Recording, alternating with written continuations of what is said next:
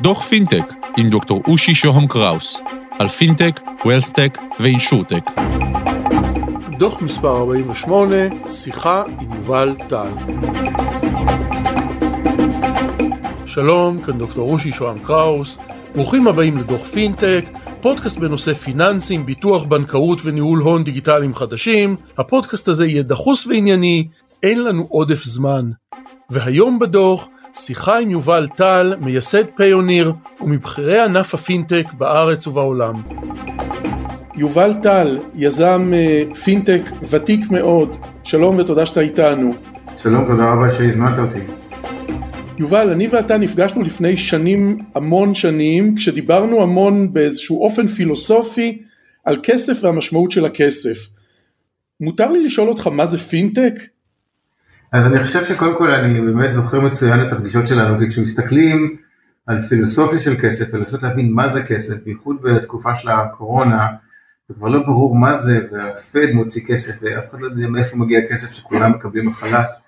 אה, אני חושב שבאמת אה, אפשר רגע ללכת לבסיס ולהבין, להבין מה זה פינטק ואולי גם קצת מה היחס בין פינטק לבין בנקים ומה זה אומר, זה תחרות, זה איום, זה שיתוף פעולה וכן הלאה. וכאן, אז אני טיפה אעשה סדר ואני אספר טיפה על פינטק, אבל לפני זה צריך להבין מה זה בנק.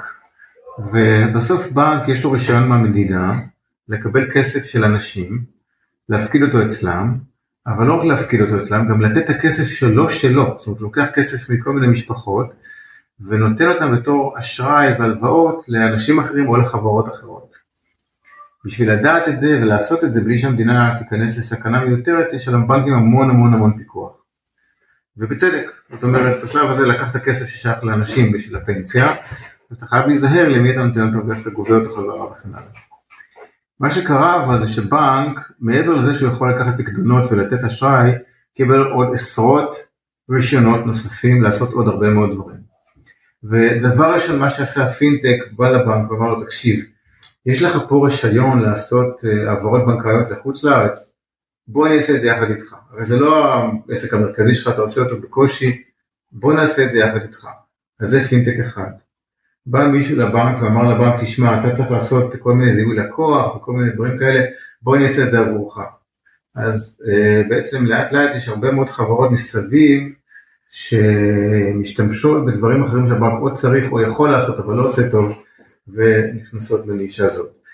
Uh, עם הזמן, הרבה בגלל שלבנקים יש המון המון מגבלות רגולטוריות, חברות הפינטק נהיו שוות הרבה יותר מהבנקים, זאת אומרת, אתה מסתכל על הערך חברה של PayPal, והוא הרבה יותר מאשר רוב הבנקים בעולם.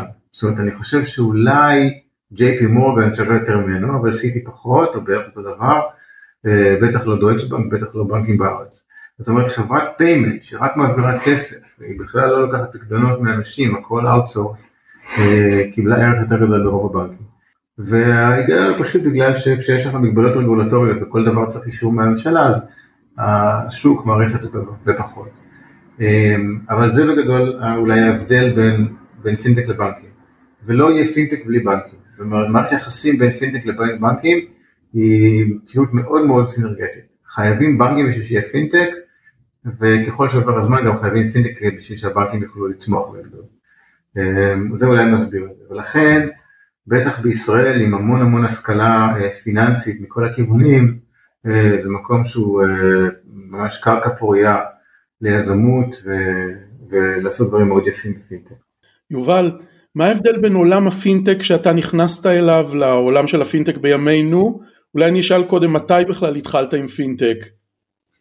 אמ, אז כשאני התחלתי עם פינטק לא קראו לזה פינטק, מה שאנחנו ראינו, וזה היה בשנת 99 כשהתחיל ה e-commerce קצת, אז אנחנו בעצם באנו לחברות לבנקים, הבנקים עשו את כל הסליקה של ה e-commerce והתחילה gateways וכאלה וסליקה אה, ובעצם אמרנו בואו נכסה את החלק הבינלאומי של הסליקה. הרי אם מישהו מוכר באינטרנט, אז ברגע שהוא פותח חנות באינטרנט הוא גלובלי. אבל אה, מוצר דיגיטלי, hosting, אה, אני יודע, כל השירותים הפיננסיים למיניהם, או השירותים הדיגיטליים למיניהם, הם, הם גלובליים, בשנייה שעלית. ואנחנו שם נתנו פתרונות לסליקה שהיא מחוץ לארצות הברית. זה היה המוצר הראשון, חברה שקוראים בורדר פרי, אחרי זה התרחבה לתת שירותים גם של לוגיסטיקה ומכס ומה וכן הלאה, ואותה הנפקנו ב-2014. אבל זה ההתחלה ועוד לא קראו לזה פינטק. מה שקרה מאז, וזה מאוד יפה ומאוד מאוד נחמד, ואם מסתכלים על אה, מי שרוצה להיות יזם או להצטרף לחברה אה, יזמית ולהיות בצוות המוביל ולהבין רגע את המודל העסקי, מה שקרה שם מאוד יפה בתוך העולם של הפינטק, זה שככל שיותר ויותר חברות פינטק צצו, כך נהיה יותר ויותר מקובל להשתמש בחברות פינטק ולא בבנקים. זאת אומרת, כשאנחנו התחלנו ב-99, היית מופיע בתור חברה שהיא לא בנק, ומסתכלים לך בעין עקומה, אומרים לא יודע מי מה, בוא נראה, תראה איזה זמן, אולי בהמשך, למה שניקח את הסיכון, יש את הבדיחה הזאת שאף אחד לא פוטר על זה שהוא בחר IBM, אז גם שם, כאילו בעיקרון היינו די לבד, וככל שהתעשייה הלכה והתפתחה ביותר ויותר חברות, כך נהיה יותר ויותר מקובל לחברות גדולות לעבוד עם חברות פינטק ולא עם בנקים. ואז נוצר מצב שבעצם התחרות היא מה שמקדם אותך, וזה כמובן נישה שהיא מאוד יפה. זאת אומרת יש אינטרס אמיתי שיהיו הרבה חברות פינטק כדי שבכלל ישקלו אותך ומי שיקבל את החוזה או את ההזדמנות זה מישהו הכי טוב ולא מי שעובד אמ, על זה שקוראים לו בנק. יובל, אה, אתה אמרת קודם שהפינטק לא יחליף את הבנקים, אני יכול לשאול למה? כי בסופו של דבר כשאתה מסתכל על יציבות פיננסית, אה, גם פיסקלית, גם מוניטורית, אה, מכל הכיוונים, הגוף שמחזיק פקדונות של אנשים צריך להיות רגולטד. זה אולי, אם אתה מסתכל, גם שאלת על השאלה הקודמת מה קרה בפינטק, אז זה לא כך ממש שאני התחלתי להצטרף לפינטק, אלא ב-2008.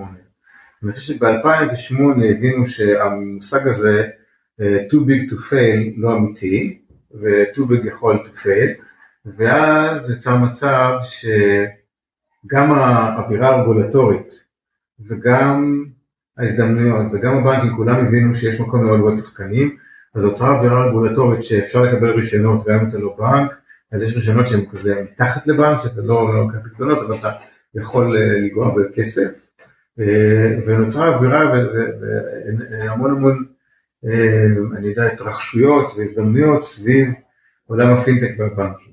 אבל ולשאלתך, עדיין כאשר אתה מקבל משכורת ורוצה להפקיד את הכסף במוסד שייתן לך ריבית או לא ייתן לך ריבית, ואתה רוצה שזה לא ייעלם, אתה רוצה לדעת שיש מאחורי זה איזשהו פיקוח של מדינה. אתה לא רוצה אה, להפקיד את כל המשכורת ואת כל היכולת שלך לפנסיה באיזושהי חברה שבסוף אה, תגיד לך אופס. אז האופס הזה אה, הופך את הבנקים לגוף שהוא הרבה יותר סולידי, מפוקח, ובאמת גם ב-2008 וגם עכשיו הצליחו באופן מאוד מאוד אחראי כל הממשלות לוודא שמי שיש לו פקדונות בבנק הם לא נמחקו.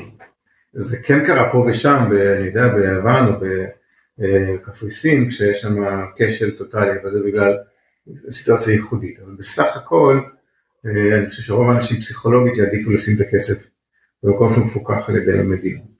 זה אומר, זה, זה אחד. דרך אגב, שתה, בצד השני של זה, זה שחברות פינטק לא רוצות את הרישיון הזה. גם אם היה אפשר לקבל את הרישיון ולרוץ איכשהו יותר מהר, לחברות פינטק הזריזות והיכולת אה, לשנות את האסטרטגיה ולהגיע לשווקים חדשים ולהיכנס למקומות חדשים, הרבה יותר חשוב מאשר הרישיון הזה. ולכן בתוך המשחק תפקידים הזה, הבנק מייצג את מי שהוא יציב ויש לו הרבה כסף זול, לעומת הפינטק שהוא זריז ויש לו יכולות טכנולוגיות שמתאימות את עצמן לסיטואציה בשוק בכל רגע.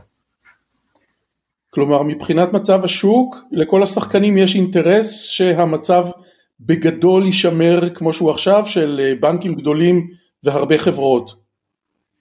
אני חושב ש... כי תראה, ניסו, זו שאלה מצוינת, כי ניסו לאתגר את זה עם כל מיני מה שנקרא ניאו-בנקס. יש כל מיני בנקים שקמו, בנק שלם לכל דבר, והבנק הזה אה, אה, אה, הוא בעצם בלי סניפים, הוא רק טכנולוגיה, בלי סניפים, רק מוצר, הכל באינטרנט, והוא מוכר את זה איזשהו גימיק. ויש כמה בנקים שמאוד הצליחו, כי הבנקים הישנים לא הצליחו להתאים את עצמם בקצב, זאת אומרת יש להם הרבה סניפים, אז יש להם עלות קבועה מטורפת, ולכן הבנקים החדשים הצליחו להתחרות בהם. אז הטענה, למה שאמרת, אני, התשובה היא כן, אבל לא בטוח שזה אותם בנקים. זאת אומרת, אם אתה מסתכל היום בבנק בישראל, אז לבנק לאומי יש את פפר, שזה בנק לגמרי דיגיטלי, ולבנק דיסקונט יש אפליקציה לפתוח חשבון רק מהטלפון, והם רצו קדימה, והם כולם אה, בקצב כזה עכשיו מקצצים סניפים. עכשיו השאלה, מה יקרה, מה יקרה לבנק מזרחי? אוקיי, מה יקרה, ל... אני לא מכיר כל הבנקים. אבל האם הבנקים שלא עשו את השינוי הזה יצליחו לשרוד, או שיבוא יקום בנק חדש של מריוס נכט ויעשה את זה מספיק יעיל ומספיק דיגיטלי, כדי שהעלות שלו תהיה מספיק זולה, כדי שהוא בעצם ייקח את, ה... ייקח את החגיגה לאחרים, אני לא יודע. אז, אבל לשאלתך כן, יהיה בנקים גדולים, לדעתי, שהם יחזיקו את הפקדונות ויקבלו את המשכורת של האנשים אליהם, ויהיו הרבה חברות פינטק שנותנות שירותים מסביב. גם השירותים מסביב הם סביב אה, חיתום אשראי, או אה, חברות data, או אה, חברות כמובן cyber security, או חברות payment, עדיין זה שירותים משלימים לבנקים, וזה חברות פינטק. דרך אגב, שוב, אני חוזר, מאוד יכול להיות שחברות פינטק יהיו שוות בבורסה יותר מהבנקים. וזו אנומליה שיש לה היגיון כי אה, בגלל הגמישות של, ה, של החברות אה, פינטק להירכש, לקנות, אה, להתמזג, לשנות המודל העסקי, הן לא כבולות במערכת רגולטורית כל כך אה, אה, מגבילה כמו הבנקים.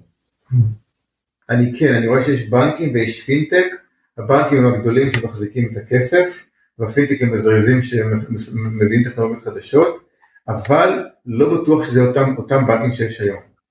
בנקים שלא יעשו אדפטציה משיתופי פעולה עם פינטק ולא יעשו אדפטציה ל, ל, לעבוד דיגיטלי בלי סניפים וכן הלאה, אני לא יודע בדיוק מה יהיה איתם. יובל, לאן הפינטק הולך אחרי הקורונה? צומח? אה, אז יש נישות בתוך, ה... הקורונה הביא המון המון שגשוג, המון המון שגשוג כמובן לחברות payment שבאונליין, כי מה שקרה זה שבבת אחת נעצר כל ה offline ובבת אחת כל ה offline עבר לאונליין, ואז כל מי שנוגע בכסף היה באונליין אה, נהנה מזה. כמובן מכירים את PayPal שרואים מה קרה למניה שלה, אבל אה, אני מניח שכל חברות ה payment, אני לא רוצה להתייחס עבור Payoneer, אבל אפשר להניח שכל חברות ה payment שעושות online payment אה, מאוד מאוד נהנו מהקורונה, ולכן החלק הזה של הפינטק אה, עלה. השאלה היא כמובן לפינטק, לא לבנקים, לבנקים אלוהים יודע, אני לא, זה מסובך, זה ממש חוזר חזרה לפילוסופיה של כסף, מי מדפיס כסף ומי לא, אבל חברות פינטק בעיקרם כן נהנו מזה, המון המון חברות הפינטק הם סביב העיקרון? סביב האונליין, סביב ה data, סביב הניהול סיכונים, סביב הסליקה, אז יש סביב זה המון המון המון המון עשייה. אני גם חושב, אם נסתכל בזוויות אחרות של פינטק, אז כל מיני Robinhood ו E-Trade וכאלה, אז הרבה מאוד אנשים שנשארו בבית התחילו אה, לסחור במניות, ואז יש עלייה מאוד גבוהה בכמות העסקאות שקורות בפינטק הזה, שזה של הקנייה ומכירה של equities. אה, רואים רק על Lemonade, נקרא Lemonade, גם כן איזשהו סוג של פינטק בגלל ה insurance, אז, אז יש אה, צמיחה מאוד מאוד גדולה בפינטק בגלל העלייה ב e-commerce. יובל לסיום, אה, לשאול אותך מה אתה עושה בתקופה האחרונה? אז אני, אני מאמין גדול מאוד, אוקיי, ובחלק הזה אני בא מעולם ה payment, שעולם ה payment אה, שהוא מפלצתי, זאת אומרת רק לתת פרופורציות, עולם ה payment הוא בערך 1.6 טריליון דולר, המון המון כסף, תקציב המדינה הוא בערך 120 מיליארד, זאת אומרת זה יותר מפי 10 מתקציב המדינה. אה, וזה רק הכנסות בעולם ה payment, אבל עולם ה payment הולך ונשחק מבחינת העלויות של העמלות. אה, פעם להעביר כסף בין מדינות היה מאוד יקר, והיום להעביר כסף בין מדינות זה הרבה יותר זול. ולכן מה שאני רואה זה התמזגות של, של הזדמנויות סביב עולם הדאטה אה, והאשראי, ואני מעריך שיותר ויותר הכנסות בעולם התשלומים יהיו דווקא מאשראי ולא מעמלות של payment. אה, ומה ש... שאני עושה עכשיו, אני הצטרפתי לקבוצה שנקראת Team 8, שבנויה מהרבה מאוד אנשים שהגיעו מעולם הסייבר ו-8200 וכן הלאה, אה, ובעצם משלב את הידע שלהם בעניין של, של איסוף דאטה, של Machine Learning, יחד עם רקפת ורונן אסיה, רקפת רוסק, ובעצם בונים חברות שיודעת לחבר את האיסוף של הדאטה, את ה machine learning ביחד עם, עם קרדיט, עם אשראי אה, ל e-commerce. וסביב זה אנחנו, אני מניח שנקים כמה חברות. אה, תחום מרתק, אין לי ספק שהוא, אני לא יודע אם אנחנו נצליח, אבל השוק הזה יהיה אה, גדול ויגדל עוד ועוד. אה, זו תקופה מרתקת, אה, זה מושלם לקורונה, אה, יושבים בבית ופשוט בונים ערך מאפס, זה מאוד מאוד נחמד. יובל טל, תודה שהיית איתנו. המון המון תודה ראשי על ההזדמנות, אני אשמח אם יש שאלות, אם יש יזמים שרוצים לקבל עצה, יש דרכים להגיע אליי. עד כאן על קצה המזלג, ניפגש בדוחות הבאים, אני מרצה ומייעץ בתחומי הדוח, תוכלו לכתוב לי באושי את אושי.co.il, לשלוח וואטסאפ ל-050-8898322 או בלינקדאין שלי דוקטור אושי שוהם קראוס באנגלית. תודה לקווין מקלוד על המוזיקה, תודה לרון טוביה עורך הפודקאסטים של גלובס, להתראות בדוח הבא.